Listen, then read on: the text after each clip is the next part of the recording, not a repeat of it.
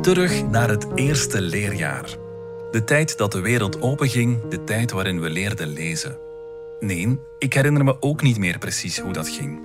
Iets met aap, noot, mis, geloof ik. Maar als je eigen kinderen leren lezen, komt het allemaal terug. Anne Olaert leest voor het slapen gaan nog eventjes in het leesboek van haar zoon en doet een verrassende vaststelling.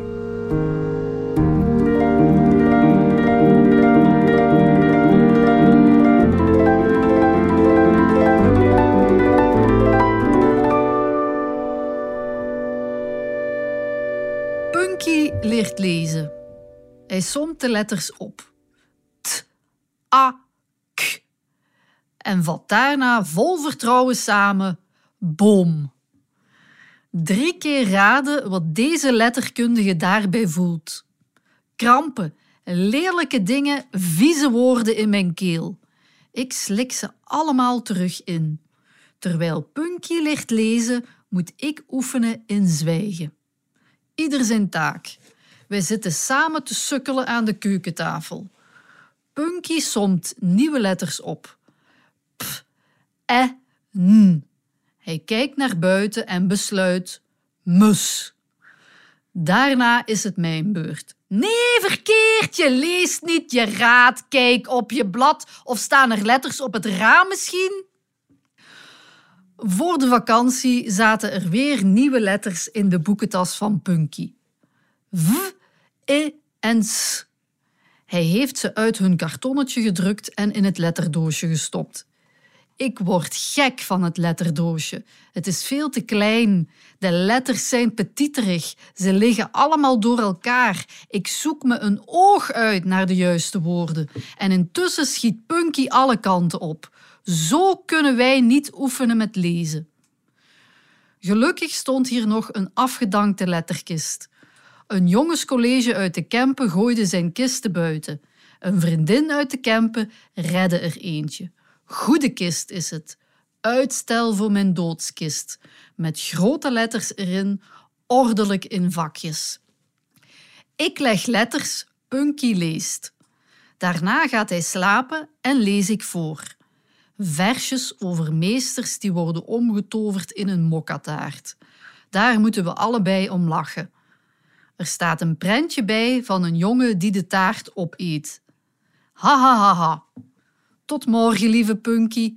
Droom iets fijns. Nee, je moet slapen. Terug in de keuken blader ik nog even door het leesboek van 1b. Pagina 7. Paul van Ostaaien aan de drugs. Oh nee! Oh nee, beer, ik ben het. Ik ben Paul de Tor. Oh, Tor is in het lis. Mus, is het een mop, beer? Nee, ik meen het, mus.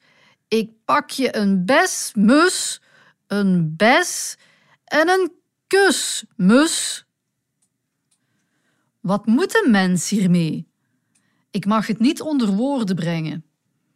Ik haal de schrijver van het leesboek door Google. Het mens heeft treurige ogen. Ik moet mijn mond leren houden. Zucht. Teringpuf. Vezels vallen armen uit gerafelde kleren van schofele mensen. Zo schreef Paul van Ostaaien echt.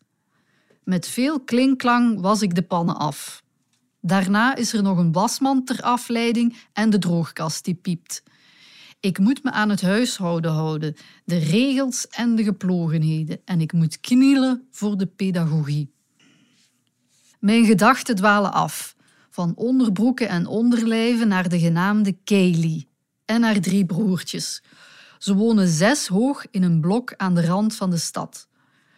Zou Kaylee in deze lekker lange vakantie ook lezen van Beer en Tor en Lis? Zou haar moeder ook vlammend commentaar hebben bij het formaat van het letterdoosje? Welke woorden zouden er in haar keel zitten? Ik ga naar Punky kijken. Hij ligt in bed. Zijn ogen zijn dicht. Het zijn de mooiste streepjes ter wereld. Er bestaan geen letters die daarbij in de buurt komen. Ik mag er niets van zeggen of hij wordt wakker. Op koude voeten sluip ik terug naar buiten. In de keuken klap ik de houten lettertjes terug open en leg in stilte acht letters. N, O, N, D, E, D, J en U. Samen non de.